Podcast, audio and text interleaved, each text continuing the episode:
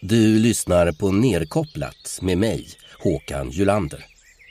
Du ska få höra ett samtal med journalisten och författaren Fredrik Kullberg. Fredagen den 17 mars 2023 satt vi och pratade kring hans böcker Kriget mot skönheten och Svensk floskelordbok. Fredrik gör motstånd mot det fula omkring oss och mot det intetsägande moderna managementspråket genom satir och uppriktighet. Det är många som förfasas och skrattar över hans redogörelser om vår modernitet. Jag är en av dem. Vår konversation tar vägen åt lite alla möjliga håll som det ska göra i Nerkopplat när två rantande 60-talister möts. Så koppla ner, koppla av och koppla på. Nu åker vi.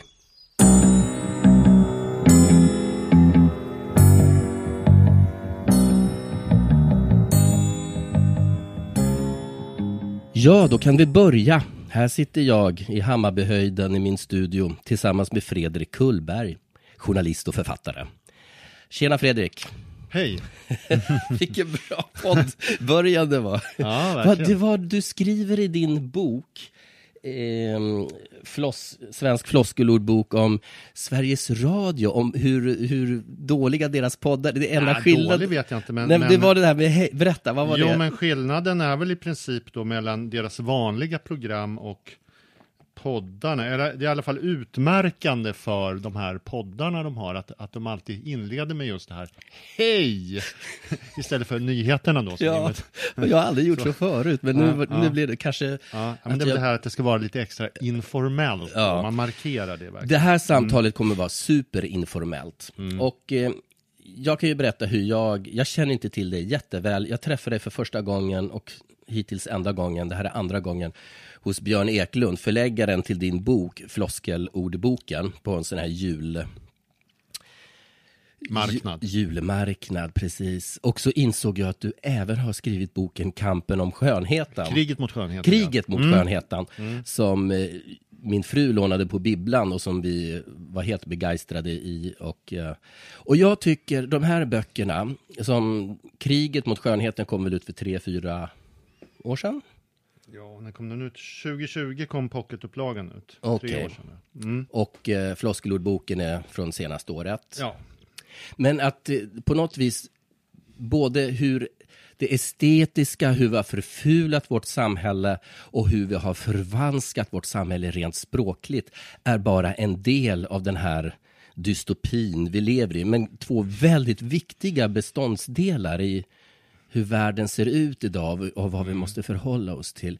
Vad är det som har fått dig att skriva? Om vi börjar med... ehm, Ja, men jag kan väl börja med det här att så, eh, nu när du säger det så här att Alltså det är två ganska olika böcker. Den här senaste då, Svensk floskelordbok, det är ju liksom en, en, en, där jag angriper det här maktspråket som vi, som vi i så hög grad liksom impregneras av idag. Alltså management jargongen, politiska plattityder, va, värdegrundsbabbel, allt det här. Va. Men jag angriper det med någon sorts svart humor då.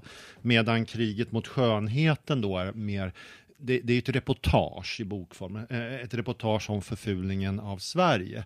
Så, så att det, till- i förstone kan de ju verka ganska olika då, men, men det är som du säger, alltså de, de förenas väl kanske också då att i min irritation över samtiden och, och, och eh, någon slags både då eh, eh, språklig och mental förfulning och, och, och även lands, förfulning av landskapen och, eh, och förfulningen då av människans inre landskap, inklusive det då. Det, det är väl no, några eh, föreningspunkter då mellan de här böckerna. Vi är båda födda 1965. Och eh, när man kommer till en viss period i livet, då blir man, och är man, så kanske man blir så här grinig, Ja. äldre Ja. man. Och det Ja. tycker jag, och det är fullständigt rimligt och förmodligen biologiskt eh, nödvändigt. ja, men, det, alltså, Det- och, det- och, ja, jo. och jag undrar lite, och Vad, vad gör vi med det idag? Alltså, det känns som att du är ute på en egen, eget korståg, om man får ta den termen, mot liksom fördumning, managementprosa, hur man förstör, har förstört stadskärnor och stationsbyggnader och gjort om till resecentrum. Vad är det som... Mm. Har, hur vi, alltså, känner du dig väldigt ensam i det här? Eh, både och.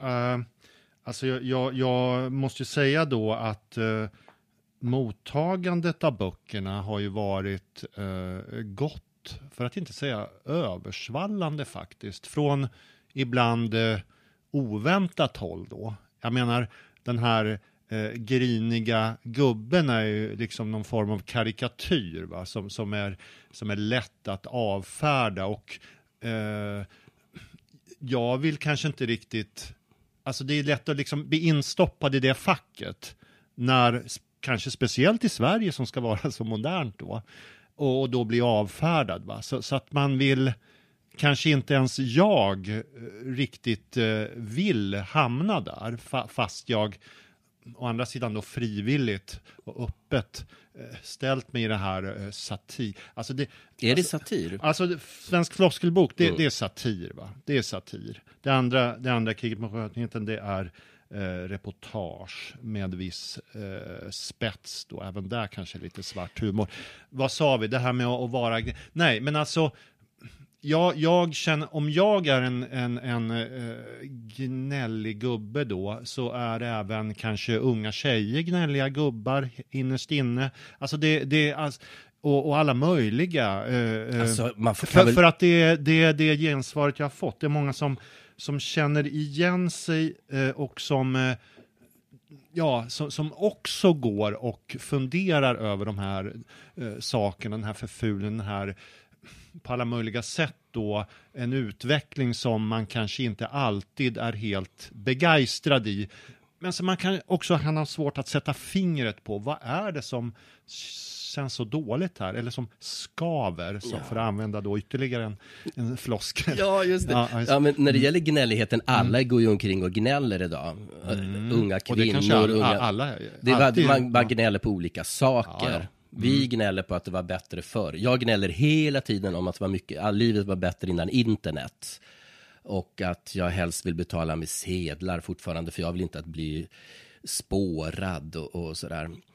Eh, sånt gnäller jag om. Andra gnäller om att man inte tas på allvar för att man vill, för att man kallar sig för någonting annat än det kön man är fött i och sådär. Och det finns miljoner saker. Handikappade mm. gnäller, invandrare gnäller, svenskar gnäller. Det spelar ingen roll vilken ja. grupp, får, man får tillhör allting. Får jag sticka ja. emellan en sak där? Alltså risken med det här då, att peka på en massa problem och, och sånt då i dagens samhälle, det, det är just det här att man blir omedelbart avfärdad som en bakåtsträvare. Alltså det är det som är det är det som är så svårt med det här eftersom det bara finns två lägen så att säga.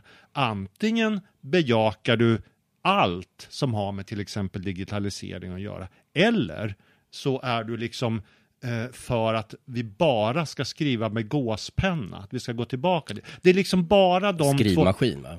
Ja, men det är liksom bara de två lägena som verkar finnas då. Och varför och, tror du att vänta, det är så? Får, ja. jag bara, mm. eh, alltså jag menar ju då att det måste ju, man måste ju kunna se samhället och samhällsutvecklingen som så att säga en 360 graders kompassros. Alltså det kan ju inte bara finnas enbart två lägen i hur vi vill ha det. Alltså antingen tillbaka häst och vagn och gåspänna eller så här tokdigital. Det måste ju finnas en mängd olika alternativa eh, vägar däremellan. Men, men det det vill liksom de här eh, digitaliseringsevangelisterna då till exempel vill inte riktigt eh, ett, eh, ett, ha den diskussionen. Utan, utan om man överhuvudtaget väcker något problem med, med eh, den nuvarande, då avfärdar man så, jaha, du är en sån där som bara vill skriva med gåspenna och åka med häst och vagn.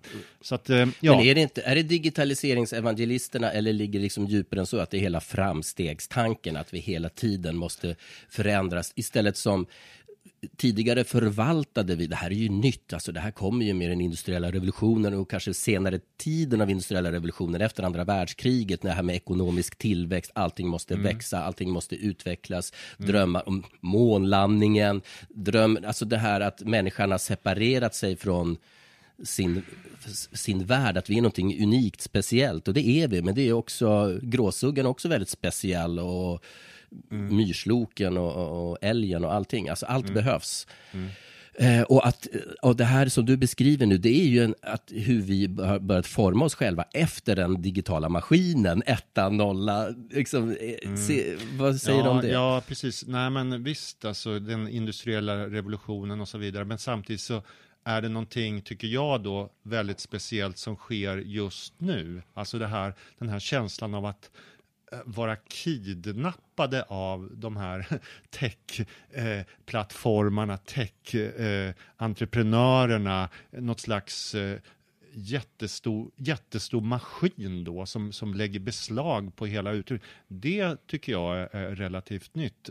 Som du säger, Alltså den industriella revolutionen, den har ju hållit på jättelänge och fortfarande, ja, för, för nästan alldeles nyss så var det inte ändå så här, utan då, då fanns det, eh, tycker jag då, mycket mer eh, annat då som var så att säga viktigt än bara då vad var det som var viktigt? Nej, men alltså, det, här, det här med ekonomi och data, det är ju fullständigt dominerande i, i det som vi eh, mäter och värdesätter idag.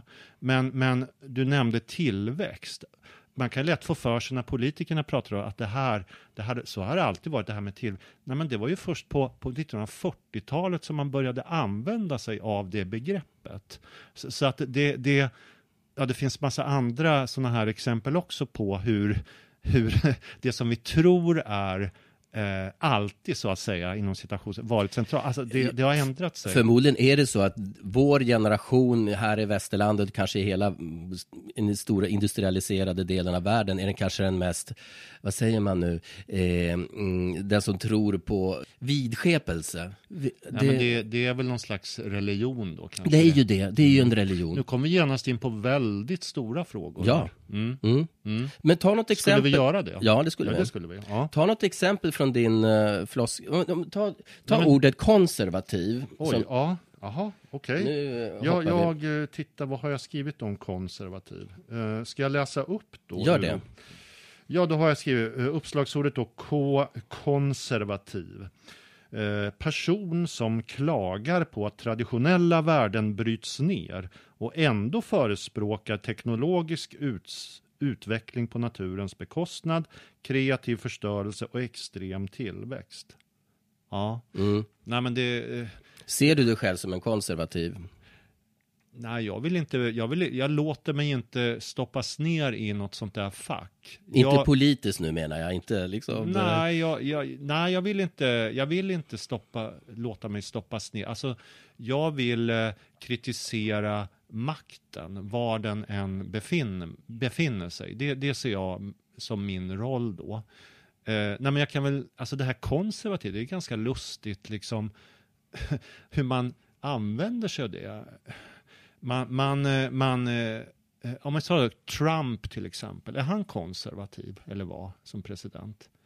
Ja, det kanske han var, men, men samtidigt inte, det här var ju en han var ju liksom också helt revolution. Han var ju inte ett dugg konservativ i många, på många sätt. Han ville ju liksom riva ner eh, samhällsinstitutioner och fullständigt revolutionär då i det Bröt avseendet. massa kontrakt ja, ja, ja. hit och dit. Det går inte ett dugg, inte ett dugg stabil. Nej, alltså, konservativ bara... förknippar man kanske just med stabilitet, institutioner som står i generation. Men han, det passar ju inte alls in på honom då till exempel. Det är ett utdöende eh, släkte känns det som.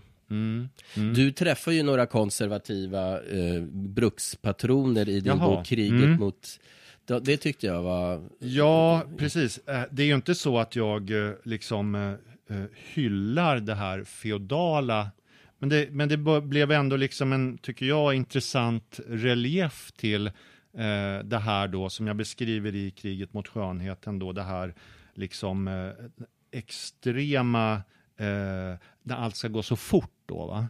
eh, det här som, den här sista brukspatronen då som jag skrev om i Sverige. Alltså det finns ju, eller fanns i alla fall då, när jag skrev den här boken för något år sedan eh, i Skyllberg. Eh, faktiskt en sista rest av de här gamla brukssamhällena med någon som man skulle, han kallar sig fortfarande lite, eller åtminstone folk omkring honom kallade honom För patron. Ja, men precis lite Ja. så va. Alltså det, han, han, hela det här samhället då som liksom personifieras då av honom, det, det är fortfarande ett gammaldags bruk med all möjlig verksamhet. Det är fabrikstillverkning av spik och stängsel och sånt här, va? och skog och kraft och så. Ett sammanhållet bruk, sånt där som fanns för ett par hundra år sedan överallt i, i Bergslagen och Sverige och så. Va? Så att... Eh, nej men att Jag tyckte det det här, var, ja men precis, det går ju inte, det är ju otidsenligt och sådär, men där var det ju också en slags liten lokal diktator, eller man ska säga. Nej, nej, nej, nej, men nej, det nej, låter så nej. negativt. Inte dikt- nej. men som, som har väldigt mycket makt i bygden i alla fall. Alltså han var, han, han hade väl, han hade ju makt i så fall, nu, nu är jag inte säker på, han, han var ju lite till åren fortfarande när jag träffade honom. Ja. Jag är inte hundra på hans roll idag, va? men han var ju, satt ju med i styrelser och sådär och, och, för det här företaget, Skyllbergs Bruks AB då. Eh, men han var ju samtidigt då en symbol för hela samhället och, och hade viss makt då i den, En den funktionen kung, också. En, en första. Ja, ja, ja, ja, ja. Nej men alltså, eh, han, han symbol för det här, det här samhället.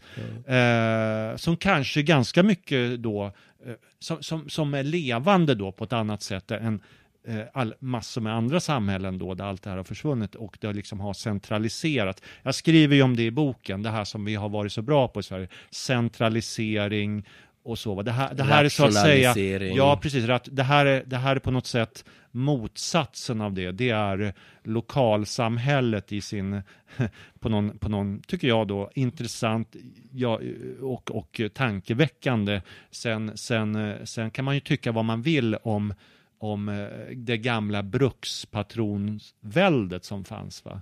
Eh, Det, man behöver ju inte tycka att det är bra, men, men man kan ju bara konstatera att, eh, att Oj. de här byggnaderna och, och allt det här som, ja, det är intressanta saker som uppfördes då och som ja, bevaras då med hjälp av Men tack vare att han har den eh, historien, familjerna styrde, så kunde de ju rädda skolan, de, kunde, de har räddat skogen. Ja, de men det gjort- var väl det här symbolvärdet då. Att, Mm. Och det fanns, han var någon slags, är någon slags samlande kraft då Mm. i, i det här. Och där, så, Mm. där de som bor i den eh, bygden som jag har glömt vad den heter nu, Ja, Skillberg. det, det, det är det jag saknar, kanske i Sverige, även i Europa, att vi har saknat det här. Vem är vi? Var finns vi?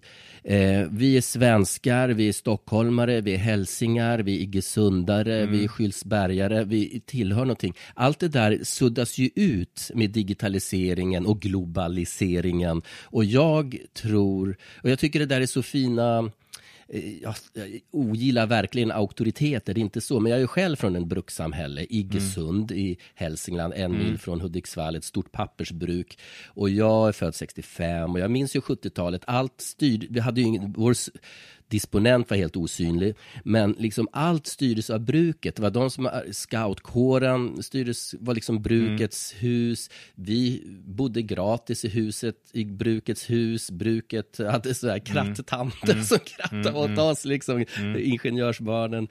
Skidtävlingen, eh, stafetten, liksom allt var i brukets anda. Och det var sån jäkla sammanhållning både mellan tjänstemän och arbetare. Nu gör jag säkert någon sån här barndoms...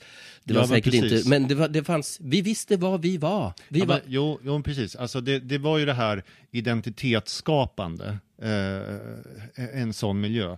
Eh, men sen var det också, man blev ju, när man levde i det blev man ju säkert cementerad i sina roller. Det är, Ja. det, som- det är ju det som är dåligt med det. Folk, Ja. folk eh, alltså vi ska ju inte, vi ska inte idealisera den här bruksandan och det här heller. Det, det finns ju någonting, det finns bra saker med det och det finns dåliga saker med nu det. kom, blev Men- det väldigt... ja, Ja. Fortsätt. Ja, eh, men just det här med, med, med, som kan vara intressant då tycker jag kanske i ett aktuellt sammanhang att diskutera är just det här med identitet. kanske. Alltså det kan, det kan ju vara eh, viktigare ibland än vad man, man, tror och tänker på när vi då eh, från så många håll uppmanas att att vara rörliga, flexibla, eh, agila. Eh, ja, och inte koncentrera oss på någonting i onödan för länge utan, utan gå fram.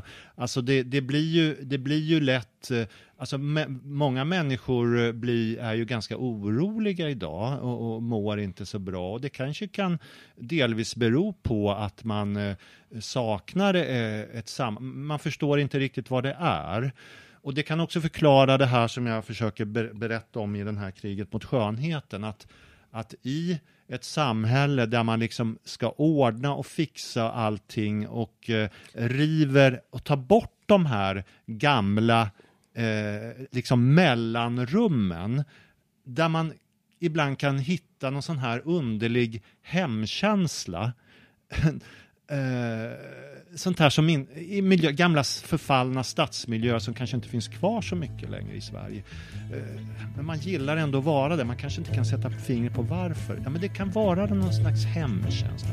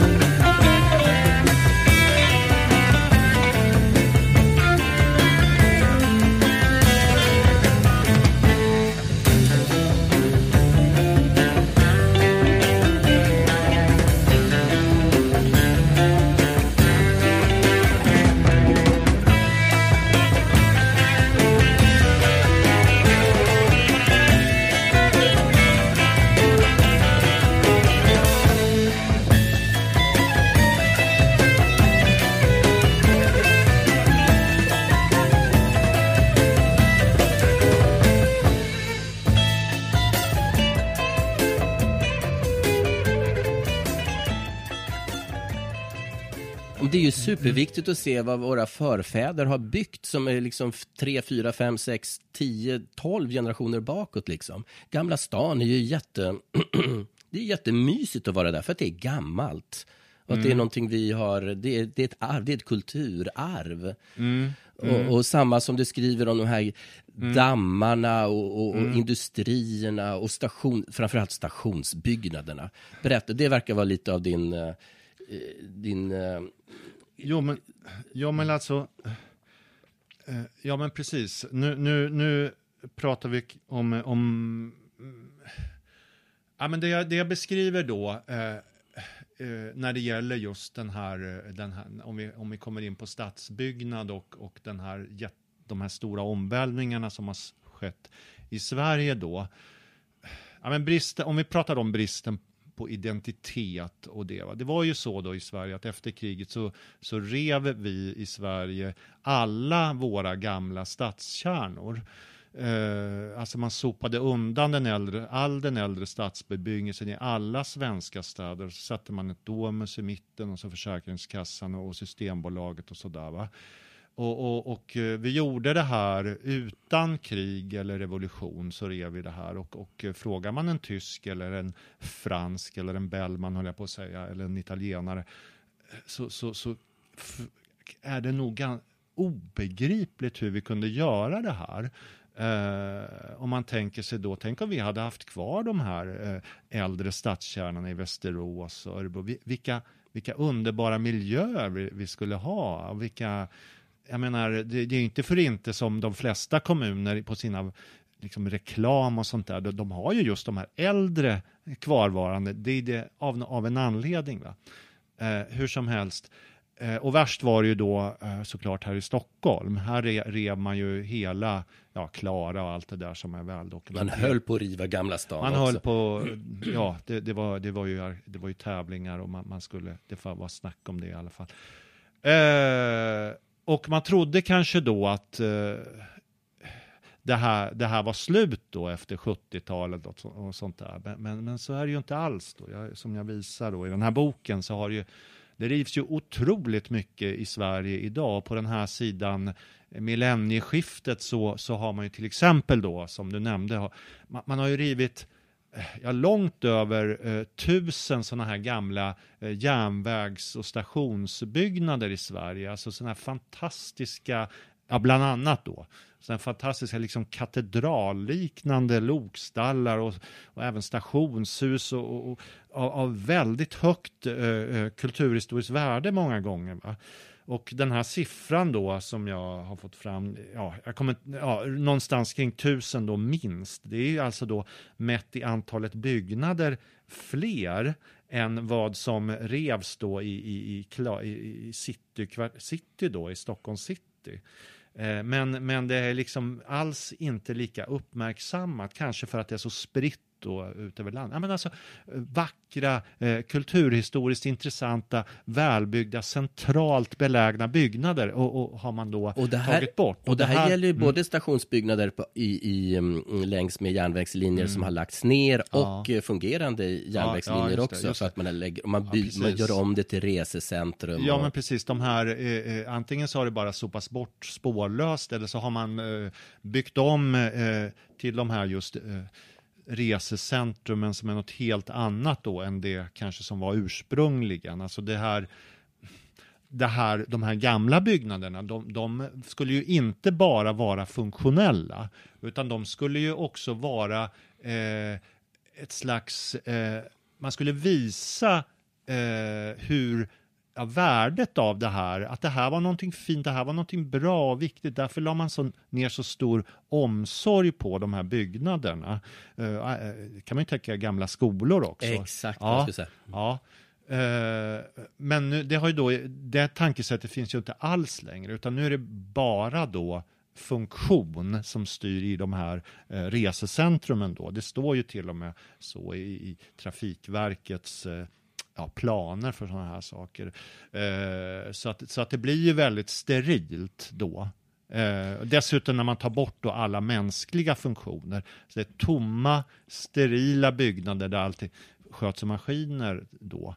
Eh, och det kanske är bra. Eh. Nej, det är inte alls bra. Det är ju omänskligt. Ja, men det är, kan du det, se någonting bra i det? Ja, men det, det, är väl det här då som, som eh, vi har blivit så eh, tokiga i det här, att det ska vara, eh, som, som man säger då, det ska vara effektivt och, och man, man går efter nyttan då. Men, men vad, är, vad är effektivitet och vad är nytta? Alltså allt, det finns ju väldigt mycket som inte går att mäta. E, exempelvis då den här, den här eh, trivselkänslan då, när man kommer in i ett sånt här eh, människans själ då, om man ska vara, eh, som man kanske skulle kunna kalla det då. Va? Ja, men ta det här nu, man, man tar bort nu på pendeltågen här i Stockholm, de här tågvärdarna. Ja. Då har man då räknat på att ja, men det blir ju mycket billigare om vi sätter upp kameror istället. Eh, ja, men vem kan ha något? Det, det, är klart vi måste göra så här, för det blir ju mycket effektivare. Mm. Ja, ja, vad då effektivare? Om du tänker dig att eh, en, en, en eh, äldre dam som på något sätt fastnar i de här, hur, hur, gör man då om det inte finns någon tågvärd eller att de här kamerorna snöar igen som hände nu då, eller att någon har något funktionshinder, då är, då är det tydligen meningen man ska gå någon annan, knappa in, eh, liksom ringa från Man får ladda ner en och, app som... Ja men precis, och vis av hur, hur sådana här supporttjänster fungerar så kan man ju bara föreställa sig vilka missöden det här kommer att innebära och hur, hur, min, hur den här effektiviteten och nyttan då kommer att kanske, äh, för, de, för det kommer nog säkert bli krång, som så många gånger förut när, vi har, när sådana här saker har gjorts, så har det ju visat sig bli faktiskt krångligare.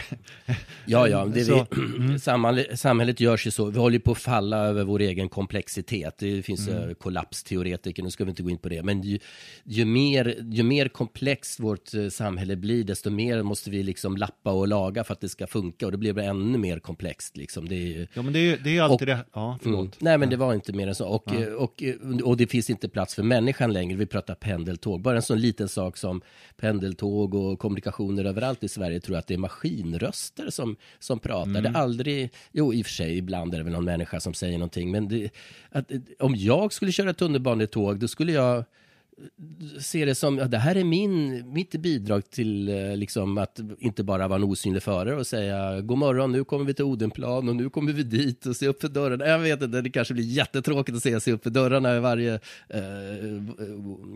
ja, göra, komma med den här varningsharangen eh, mm. varje station. Ja. Men det är någonting ja. så omänskligt i det. Ja, men precis, och, och de som räknar på det här då, alltså det här dels så, så, så, vet inte de som räknar på det, politiker då som räknar på det här, vad en tågvärd gör egentligen. Det tror inte jag. De kanske tror att det här är någon bara som går omkring och gör nästan ingenting. Det, det, är nog verkligen inte så, utan de gör nog ganska mycket mer. Och dels så går inte deras jobb att räkna på. Eh, ja, men just den här att känslan av att vara inkapslad i en maskin snarare än att mötas av en, en de här maskinrösterna hela tiden. Jag tror att det gör någonting med människor. Eh, men också det här löftet om att ja, ja, okej, okay, det kanske inte funkar riktigt nu, va? men om vi bara snart, bara vi, vi inför den här appen också, då kommer det funka. Ja, men titta på sjukvården då, om vi pratar just effektivitet.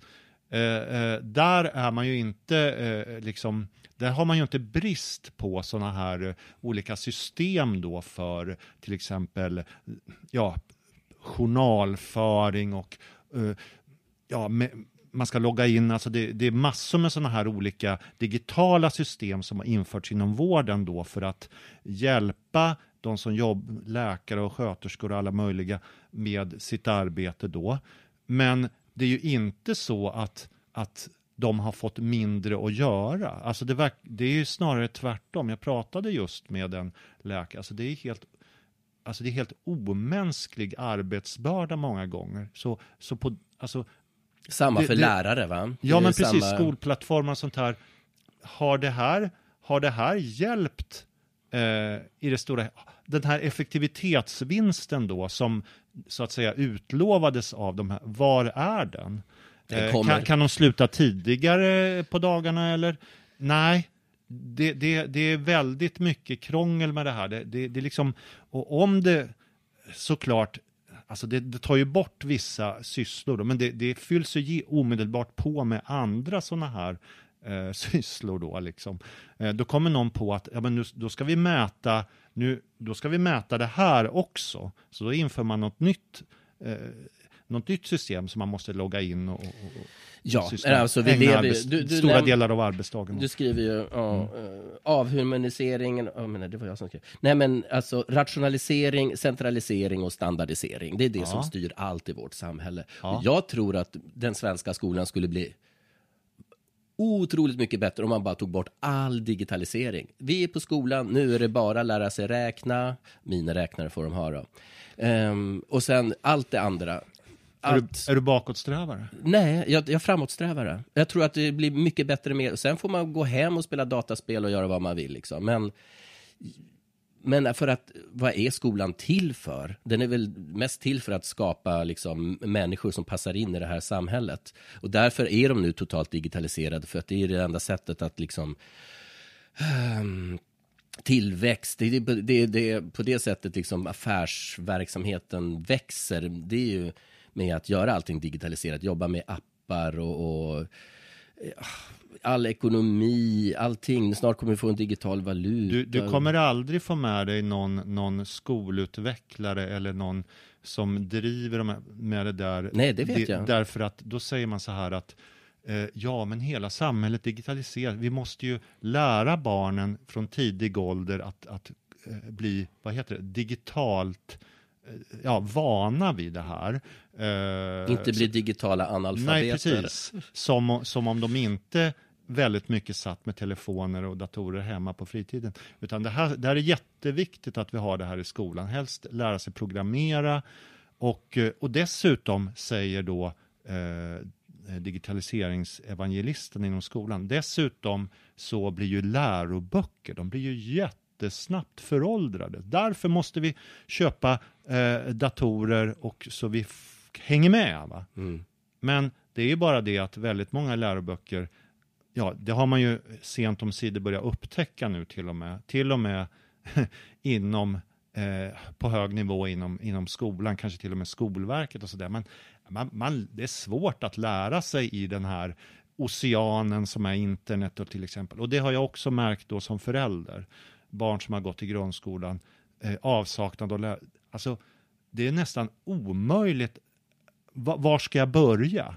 Alltså även om du får instruktioner, du ska gå in på den här och den här sajten, du ska gå in, logga in på Nationalencyklopedin. Och, um, alltså det är en enda röra och jag, tack, jag förstår verkligen, alltså hade jag inte själv gått i en äldre version av skolan och kanske och hade jag inte vetat lite grann om Gustav Vasa och vad det nu kan vara så, så hade det varit mycket svårare för mina barn att klara skolan. Och jag, jag tycker synd om de barn som inte har föräldrar som, som, Som har kulturellt nej, men som, som kanske inte har eh, själva vuxit upp i Sverige och inte har någon koll riktigt på vem Gustav Vasa var. Alltså det, ibland kände jag så här, det, det, näst, det här är omöjligt att ta in om man inte får hjälp av en, av en förälder. Alltså.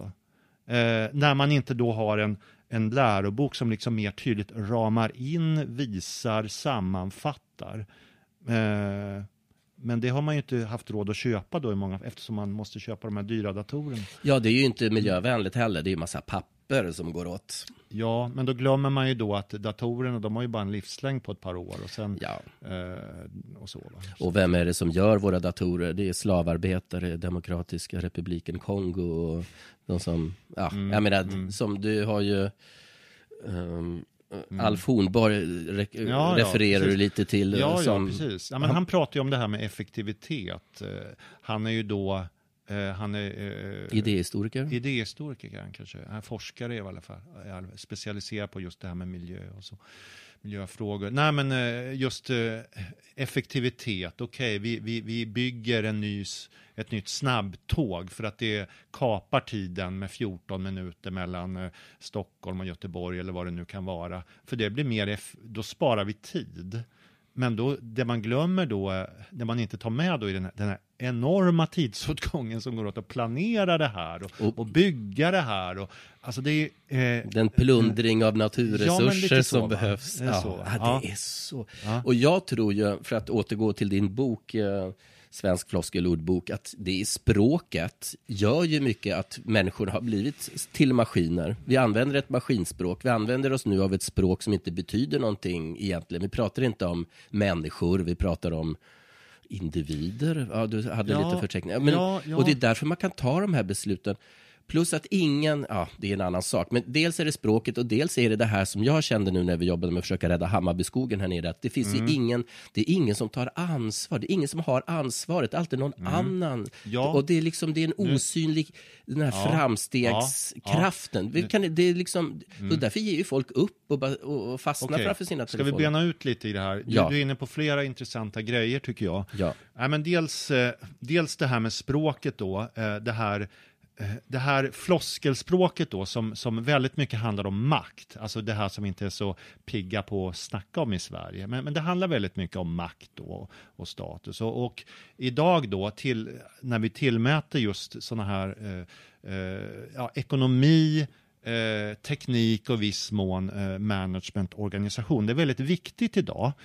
Så därför de, vill man, vill man eh, ja, vill man eh, få inflytande så använder man gärna ett språk som hämtar sin terminologi just från de här områdena. Alltså även sådana här människonära, eh, om, eh, människonära verksamheter som till exempel just skolan och en, äldreomsorg. Då använder man gärna uttryck som till exempel hybrid, logistik, ja, sådana här ganska tekniska uttryck då i, inom de områdena.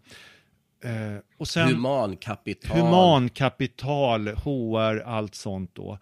Och sen var du inne på, ja vad sa du nu? Eh, Det här, jo, det här att ingen har ansvar. Precis. Ja, det är också någonting väldigt, eh, tycker jag, då, utmärkande för vår tid.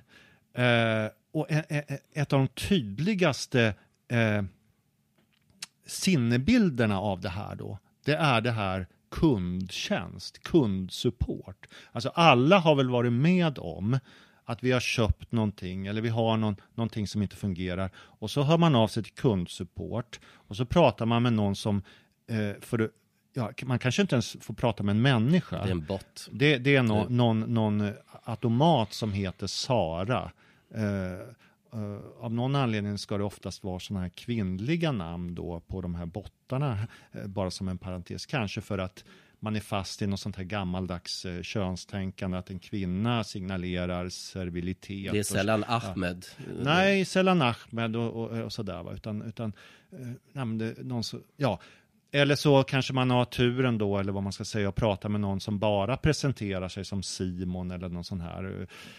Men det, det, det är liksom, det är ofta det inte leder någon vart. Va? Det, det, det, man får inte rätt. Ja men, ja, ja, ja, men då ska du ju ha en kod, eller du ska, nej men det leder, man får hålla på och bråka jättelänge innan det ska leda någonstans. Det tycker jag är sinnebilden av det här eh, det här digitala, eller ja, men hela dagens, men just det här bristen på ansvar då. Eh, och det här kanske har någonting att göra, det, det, eller det har ju definitivt någonting att göra med att, ja, men om du tittar på de här stora som har den verkliga makten, den är väldigt svår att nagla fast idag när vi har de här jättestora techplattformarna till Och exempel. Blackrock och Vanguard, de här Ja. finansbolagen Ja. som äger Ja, alla ja, andra men om vi tar de här tech, Ja. techbolagen då till exempel, de går ju för det första inte att få kontakt med. Eh, du vet inte vad de har för avsikter. De går inte att ringa till som till ett normalt företag. Och även, även det här, eh, ja, och de, går, de ger sällan intervjuer då heller, de ansvariga. De håller sig, och det är ju högst medvetet. Va? För att den du inte kan granska eh, och, och eh, granska och ställa frågor, eh, mycket svårare att ställa till svars. vad de ska göra med alla de här enorma mängder av personinformation de samlat in till exempel. Eh, och, och, då, och, och det här liksom flytande liksom amoraliska kapitalet som hör ihop med det här. Eh, det, det, det bara flyter omkring och ingen kan rikt, ingen kan det går inte att ställa någon till någon enskild person som ansvarig. Ja, men det här som händer med bankkonkurser och sådär. Vem, vem? Det går inte att hitta någon för att och, och, det, det, går bara inte. Det är vi alla, vi alla är ett ja, där. Ja, liksom. precis. Och, och, och, eh, ja, men just kundsupport och så, det är själva sinnebilden av det här flytande, den här flytande verkligheten. Eh, inget ansvar, vem, vem är det som ja, det går inte att hitta någon och även, även de som har mycket ansvar, de vill liksom inte bli hittade. De, de går inte att få kontakt med. Mm. Mm.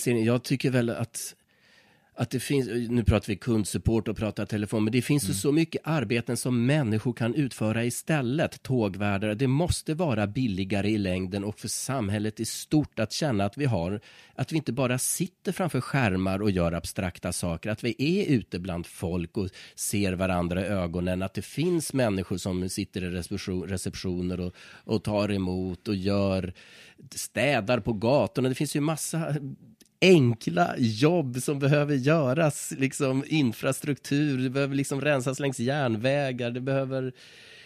Um, ja, ja. Jag vet inte, för att, no, okej, okay, det var en liten ja. rant, men för att komma tillbaks till det vi var inne på om, ditt, om språket och, och så här. Ja, vi, nu, nu, vi vet ju vi vet ju att det är så här, men hur kommer vi ur det här då? Nu, nu, nu sa du skämtsamt, är du mm. bakåtsträvare eller? Mm. Ja, definitivt. Jag är till och med ludit. Och mm. jag, skulle, mm. alltså jag, jag, går, jag kan gå och dagdrömma om att jag hatar de här pipen. Bara pip, pip, pip, pip. Överallt, det bara pip, pip, pip, pip. När man går in genom eh, tunnelbana.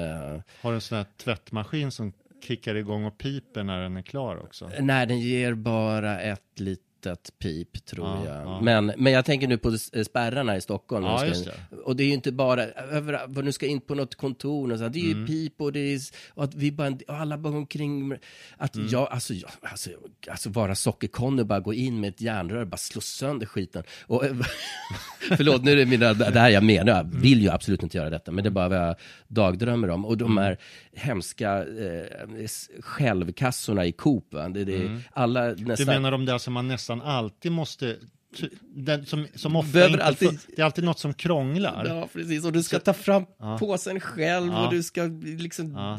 markera, du ska föra över den där Ja. eh, dosan över strecken och du ska göra allting själv. Och det är liksom 80% av kassorna är så här självkassor, i alla fall på centralen. På många ställen, på Coop framförallt är det så.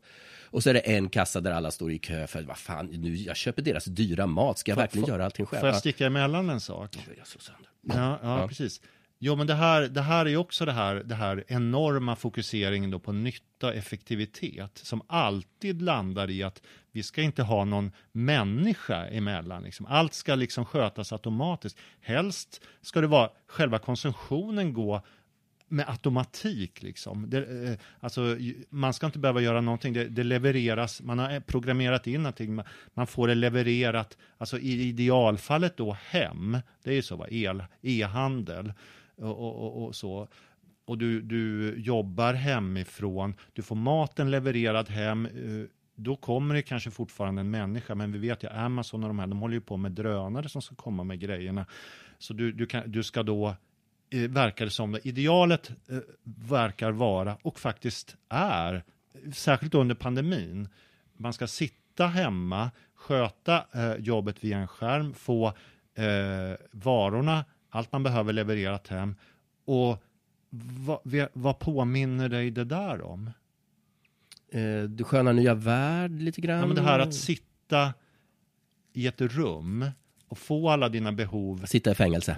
exakt. Mm. Det är ju väldigt Ja, ja. det, det är ju väldigt likt ett fängelse Mm. när man tänker på det. Och ska du ha sex, då har du en sån där AI, då har du snart AI, då har du någon så här eh, virtuellt, Mm. och du ska ha ömhet, närhet eh, och sex och, och Mm. det behövs inte människor till det, för man kan ju programmera den där till att, ja, vad som man Mm. Nej men alltså vi är ju inte de första som, som liksom målar upp en dystopisk bild av, av det här, någon slags digitaliseringshelvete. Det finns ju en hel genre och eh, litteratur och allt möjligt kring, kring detta. Eh, men, men jag tycker att det är särskilt, verkar vara särskilt svårt att problematisera det här i Sverige. Eh, världens modernaste land som alltid ska vara så modernt. Vi, vi skulle ju vara, vad var det nu Fridolin, gamla skolministern sa, vi skulle vara liksom etta i världen när det gällde digitalisering i skolan då till exempel. Va, hur miljö... Ja, men också varför då? Ja. Vad, vad är det som är så bra med skolplattformar då? Jag har fortfarande inget svar på det. Eh, och, och väldigt många andra ställer sig i och för sig den frågan också. Vad, vad, vad är, hur kunde man göra det så här dåligt? Jag Eh, ju- och, och, mm. Men även då det här med böcker och allting som vi var inne på. Eh, nej, men så att det är svårt att, att, eh, att problematisera det här eh, utan att då bli stämplad som någon just bakåtsträvare eller var som helst då, just i Sverige. Alltså vi, vi svenskar är ju eh, konformister eh, medan man kanske i andra länder då, säg Frankrike, mera kanske är anarkister.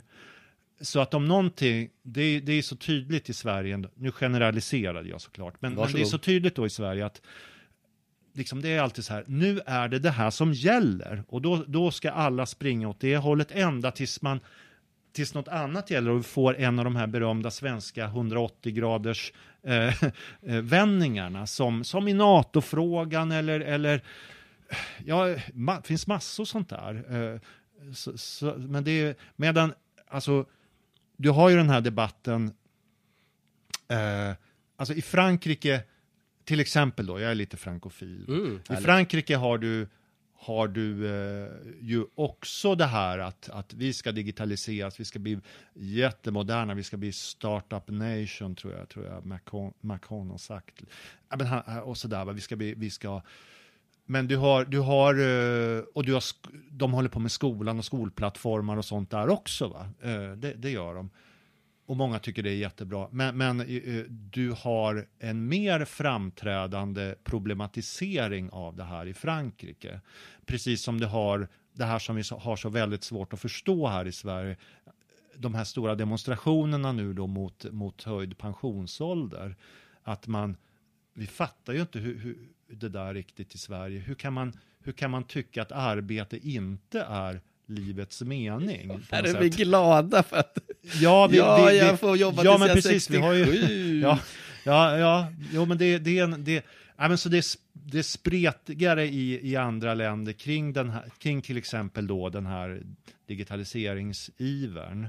Även om det såklart är en tendens över hela världen och, och folk sitter ju limmade vid sina telefoner där också. överallt. Men jag tror att, att generellt så är det, det, är det, svår, är det svårare att, att diskutera det här, även om många kanske i stillhet, lite grann i skymundan, i alla åldrar är jävligt irriterade på, på, den, på baksidan av det här. Då. Och vad de har i Frankrike, de har ju kvar mycket mer av sin identitet känner jag. Det finns massor, alltså de små städerna och byarna, de är kvar. De ser ut som de har sett ut sedan medeltiden, många. De har en, det känns som att de har inte rationaliserat bort sin historia på samma sätt som Sverige. De har ju kanske haft en, Nej, nej, men det, det beror ju också, eh, eh, tror jag, just just att, att det är mer svårstyrt också.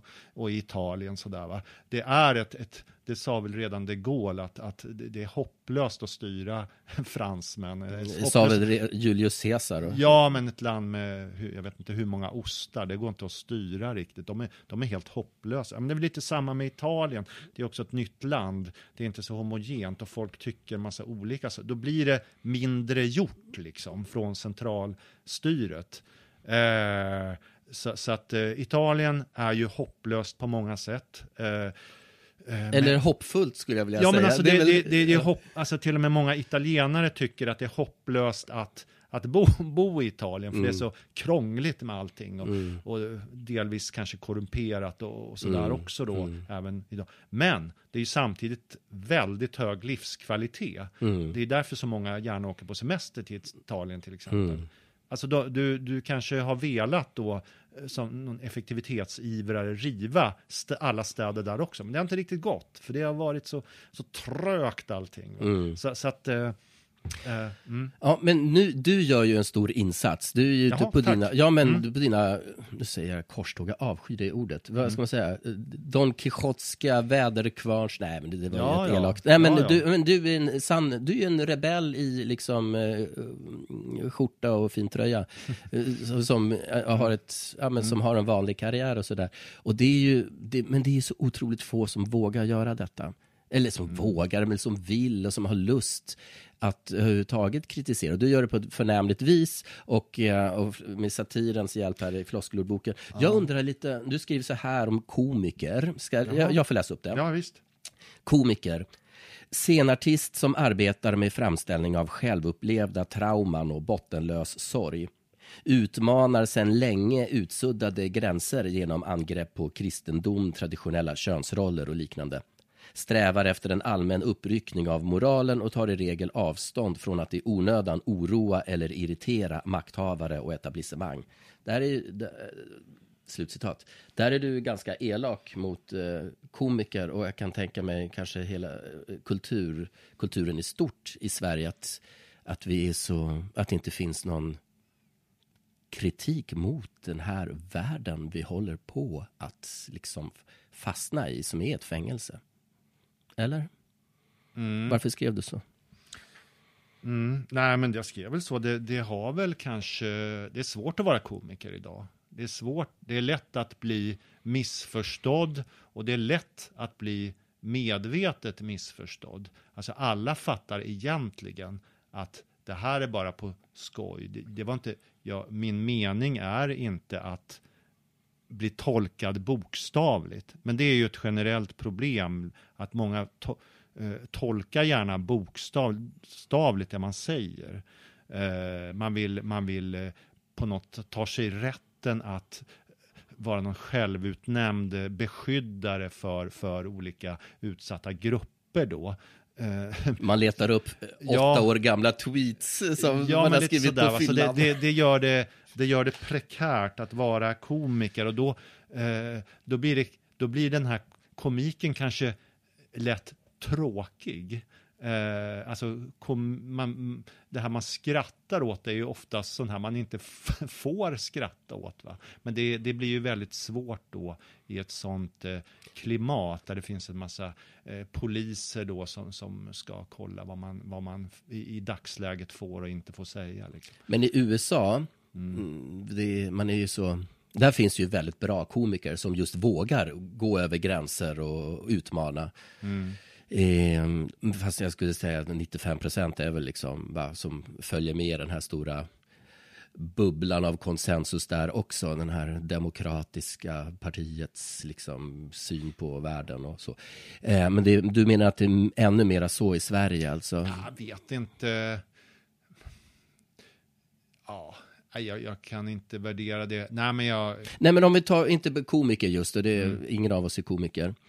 Eh, men liksom kulturen i stort, för är, det någonstans man kan förändra sättet, synen, förändra våra, våra tankestruktur så är det ju genom kultur, genom filmer och böcker och, och, mm, och, mm, absolut. och liksom absolut. musik och sång och mm. dikt och allt sånt där. Mm. Och det, jag är ju engagerad i Nej till NATO och sådana saker. Och, och det är vi väldigt få. Men jag vet att det är väldigt många medborgare där ute som är jätteskeptiska. Men det är väldigt få som vågar ställa sig på torg och prata. Och man har inte tid och sådär. Jag fattar det. Liksom. Men det är otroligt få eh, kulturarbetare som vågar, som vill liksom sjunga en sång eller det, ja, det är folk från 50-talet, födda 50-talet och tidigare som liksom som gör det här. Alltså, det finns ingen, på 60, 70, 80-talet så fanns det ju liksom en Ah, man såg stora problem i samhället, men det kommer inte, tar sig inte uttryck i kultur. Det tar sig uttryck i miljörörelsen som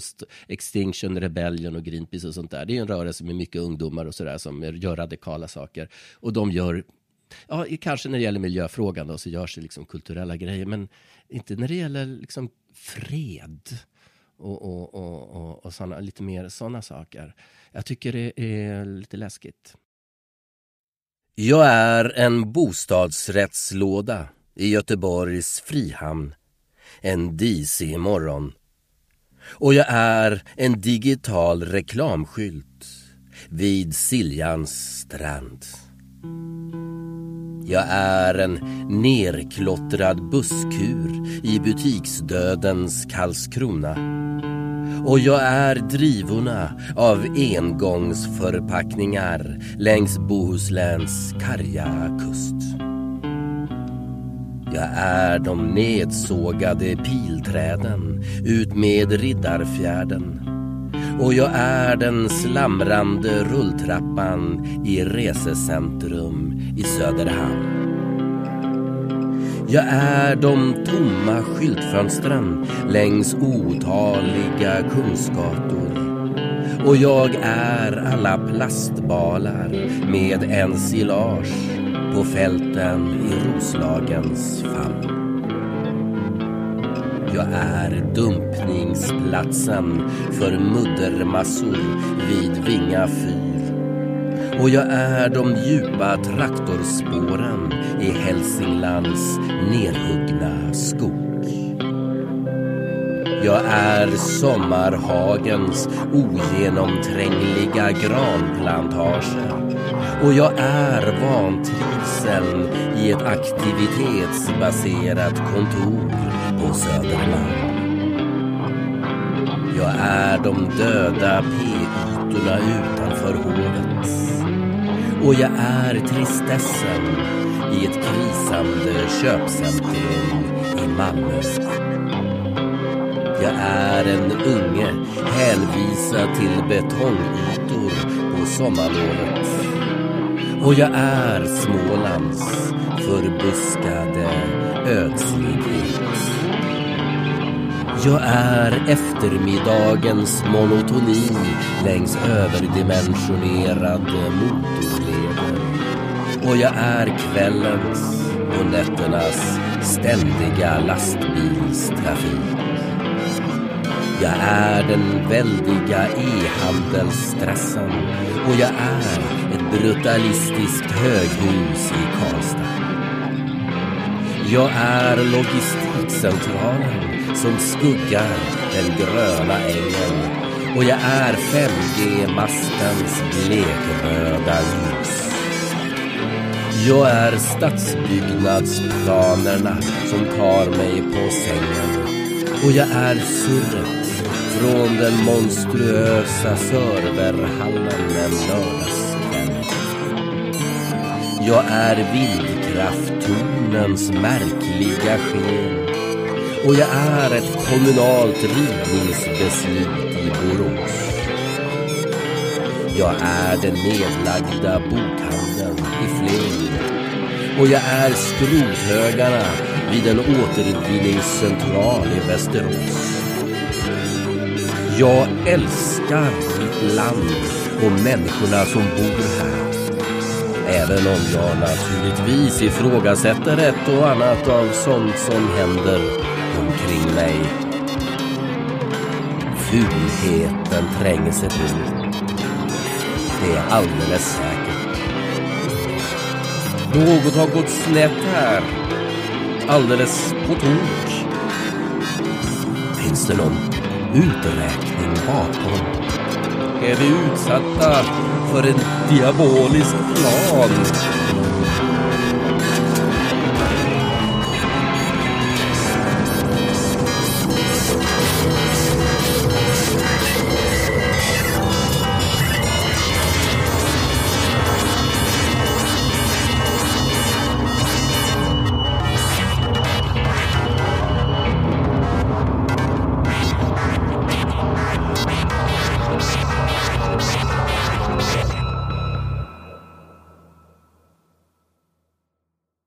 Om vi, om vi eh, återgår till det här med eh, eh digital, kritik mot det här, eh, de här eh, ja, övervakningssamhället, Ja, eh, digitaliserings, raseriet. Alltså, vad, då blir ju frågan då, vad kan man egentligen göra? Alltså, ingen kan välja bort tekniken på 2020-talet. Nej. Det, det, det är i praktiken omöjligt. Eh, men det man kan söka, eh, man, kan ju, man kan ju finna vägar ändå, tänker jag. Alltså just det här du nämnde, Alltså det, den här digitaliseringen är på något sätt ett krig mot koncentrationen då för det första. Alltså det, det är ju inbyggt ett beroende att vi ska scrolla då. Vi, vi ska inte, det har man ju räknat ut, det är en hel vetenskap. Det är därför man, oj, har det gått två timmar nu när jag suttit här och gjort ingenting? Alltså man fastnar ju i det där. Eh, då, kan ju, då kan ju det här att återta eh, greppet om koncentrationen vara en väg att gå. Till exempel läsa lite längre texter, kanske till och med en bok emellanåt. Va? Ja, men det, det, det, kan vara, det kan vara ett första steg då i någon form av handling eh, eh, kring det här. Kanske att välja bort sociala, alltså man kan faktiskt göra det. Vi är ju inne nu, eh, det är ingen som pratar om det, vi är faktiskt inne nu i, i fastan, den här som varar till påska, nu när vi spelar in det här. Eh, och, och, om man då tänker sig, ja, varför finns det fasta? Det är ju någonting som finns i, tror jag, alla stora religioner. Det här att man ska avstå från någonting. Alltså det är totalt otidsenlig tanke. Och, och en tanke som också i den ligger någonting nästan revolutionärt. Alltså det här tanken, ja, men vadå? Jag ska tänk, tänka sig att inte konsumera. Då kan man ju tänka så här, ja, men om jag fastar nu sociala medier, so, sociala medier-fasta till exempel, är det möjligt? Alltså jag, jag har testat nu. Jag med. ett, eh, just under fasta. Ja, men det är faktiskt möjligt. Och jag, jag, jag, jag saknar det ju inte. Alltså jag kanske måste gå in någon, någon gång i mitt jobb då och kolla. Det är ju inte så, jag, jag har medvetet bestämt, ja, men jag, jag skiter i att scrolla sådär ett tag. Det är fullt möjligt. Och det, det är ingenting som jag direkt, eller som jag alls saknar märker jag. Och det, det visar ju också, alltså i det stora hela betyder det absolut ingenting. Men för mig som men alltså det är ju ändå, jag kan ju ändå finna någon slags, ja, men det, är, det är en mikrorevolution i, i det här. Och bara, bara den tanken att man kan genom sin, min handling göra lite annorlunda än vad någon annan då verkar ha bestämt att jag ska göra. Det, där kan det ju ligga någonting. Ja, jag tror mycket på det du säger, att man måste göra en massa mikrorevolutioner. Och man är ju inte större än vad man själv är. Liksom. Jag har haft mina perioder där jag har gått utan mobiltelefon i fyra, fem dagar och sen har man fastnat där igen för det är så mycket som händer i världen och jag är en nyhetstorsk liksom. Men de där dagarna är ju fantastiska. Man åker tunnelbana och, och spårvagn och um, kör bil eller vad man nu gör och, och eller bara är och man ser människor, man hör fåglarna, man är på, man blir det är ju Eh, vad, vad kallar det? är en av dina floskler också det här med att vara i in the moment. Vad heter det? Ja, eller? Ja, nej, utan det här man, eh, man går kurser för att vara Mindful. mindfulness. Det är väl Ja, verkligen det. Mm. mind, alltså, det enklaste sättet att vara mindful, det är att stänga av telefonen. Ja, just faktiskt. Det, just det. Men det vill de ju... eh, De, Man ska ju det helst ha en är app. Mindfulness-app då förvisso. Självklart. Självklart. Ja, jo, eh, precis. Precis. Eh, ja. Mm. Nej, men jag är jättetacksam för att du gör det här, för att du skriver den här boken om, om eh, floskler och, och verkligen benar upp det, för då blir det så, det blir ju så bisarrt tydligt vilken absurd verklighet vi lever i. Och alla kan skratta åt det, det är ju komik liksom. Även de som är, eller hur, även de som är management. Ja. ja, alltså det där var ju lite kul för att när jag skrev den här boken då, då trodde jag kanske att den här Svensk floskelbok, trodde jag kanske att man från det hållet, från managementtyper, chefer och, beslutsfattare, de kanske blir lite, de blir nog lite arga på det här att jag liksom skojar med dem och deras värld. Men det blev precis tvärtom. Det, reaktionen från det hållet var liksom äntligen. Alltså, för de är ju också, de är ju verkligen fångade i det här.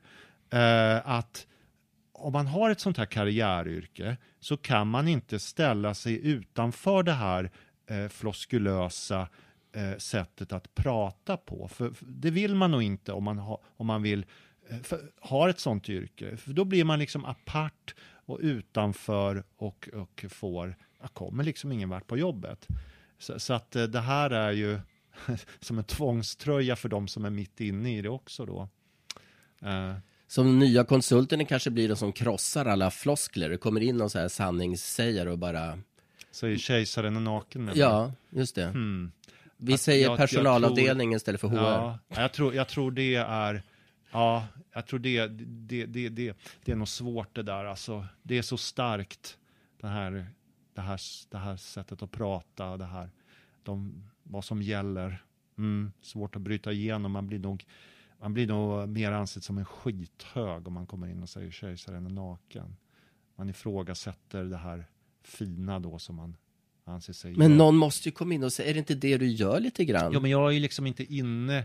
Jag, jag står ju utanför då och, och, säger lite det här. Även om jag då, eh, ja, jag är ju insyltat i det här ledarskapsindustriella eh, Komplexet. jag också då, i och med att jag jobbar på tidningen Chef. Men jag är ändå, har ju ändå en sån här utanför-roll kan man väl säga och ska ha det också i och med att jag är journalist då liksom. Så att jag kan ju stå lite, på det sättet stå eh, lite utanför det här. Men är inte det där du sätter, att vi har våra roller, du är journalist, Mm. du får göra det, och den är konsult, och den får, man, man har sån otrolig plikt för sitt, eh, sin arbetsidentitet, så att man, Ja, man måste ha det för att annars kanske man blir utan jobb. Man Ja, måste, det är ju man så, måste jag ju ha en loja- lojalitet med sin arbetsgivare Ja, såklart. ja, så, såklart. Så att, eh, det, det är klart att många blir fångna. Man kan inte eh, Folk känner inte att de kan gå omkring och vara kritiska mot sina arbetsgivare hela tiden i, i allmänhet. Eh, Det, det, det är jobbigt och svårt. Va? men det där, ja, det kunde, Mm. kunde man inte det mer tidigare. Vet inte. Nej. Det finns ju fack och, Jo, ja. för, jo förvisso. Nej, vi, vi är fångna i våra roller, vi är fångna i det här eh, samhället som vi har. Men det är viktigt att, eh, som vi gjorde i början, liksom försöka få också det här helikopterperspektivet tycker jag. Vad, vad är det som händer? Vad, vad ja, inte bara, inte bara eh, acceptera hela tiden det här. Oops, där försvann tågvärdarna och där eh, ja, försvinner den ena samhällsservicen efter den andra och ersätts av en app till exempel då. Utan, utan där, där eh, ja, det, vi måste, det måste man ändå få diskutera.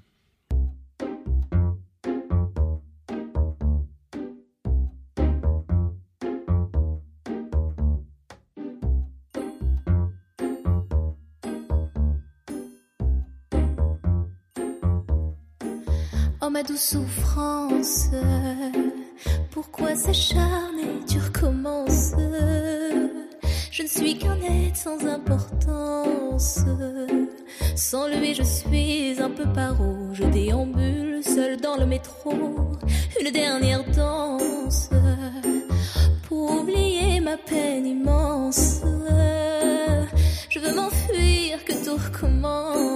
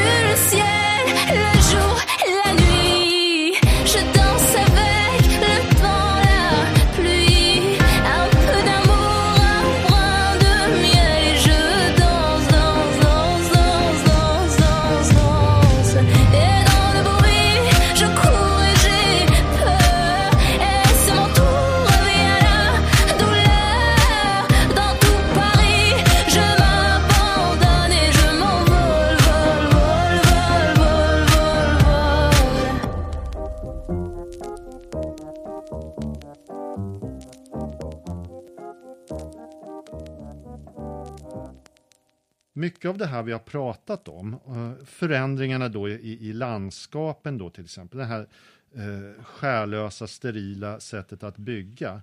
Det var som, som en person då eh, sa, en intervjuperson i min, min bok då, Kriget mot sjöhanteriet, Elisabeth Rynell, hon är författare och prisad poet och sådär. Det som är så kännetecknande för det här, eh, det här sättet att bygga på då idag, det är att det är så gjort utan kärlek. Det är det som alltid lyser igenom. Alltså återigen då, det här gamla sättet att liksom hylla eh, lärdom då genom en, en, en väldigt hantverksmässig och ja, på alla sätt eh, dyr byggnad, skolbyggnad. Det, det, det, det finns ju inte alls det tankesättet idag, utan det ska bara vara nytt nytta och effektivt då. Nu är det ofta Eh, så här det baracker såklart- som står på varandra Ja, för att man ska kunna ta bort den när det blir Ja, ja, ja. mindre, färre Jo, elever. Ja, sen, sen är jag förstås då medveten. Ja, den här arbetskraften var ju, kostar ju nästan ingenting förr i tiden och så vidare. och så vidare. Men det, det är ändå verkligen eh, talande hur det lyser igenom. Det hade nog kunnat finnas andra alternativ också, även idag. Och skolorna stod ju där, de har ju också rivits. Varför an- men använder man inte de gamla husen? De var, ju, de var ju byggda för att stå, de var ju byggda för evigheten så att säga. Ja. Och så tänker man inte längre. Nej, Nej. Mm. och det är ett problem. Jag tycker vi kan, eh, jag tycker det var jättebra det du sa om att Att vi måste hitta tillbaks till kärleken, till varandra, till vår jord, till vårt samhälle, att, till det vackra och eh, se igenom det, det, det fåniga. Alltså att inte bli fångad i det här Mm. Mm. låtsasvärlden, liksom att försöka bryta igenom, att försöka tänka utanför maskinen. Och det, så ett bra tips du kom med är ju att göra lite eh, fasta från sociala medier. Mm. Och kanske till och med hela telefonen. Ja, man kan ju testa. Mm. Ja. Som sagt, det, det är inte säkert att... Ja, det, det påverkar ju ingenting, va? men det kan vara tillfredsställande för en själv att, att det går. Jag tror det påverkar jättemycket. Ja, det, det påverkar en själv och det påverkar dina närmaste som påverkar sina närmaste och sen...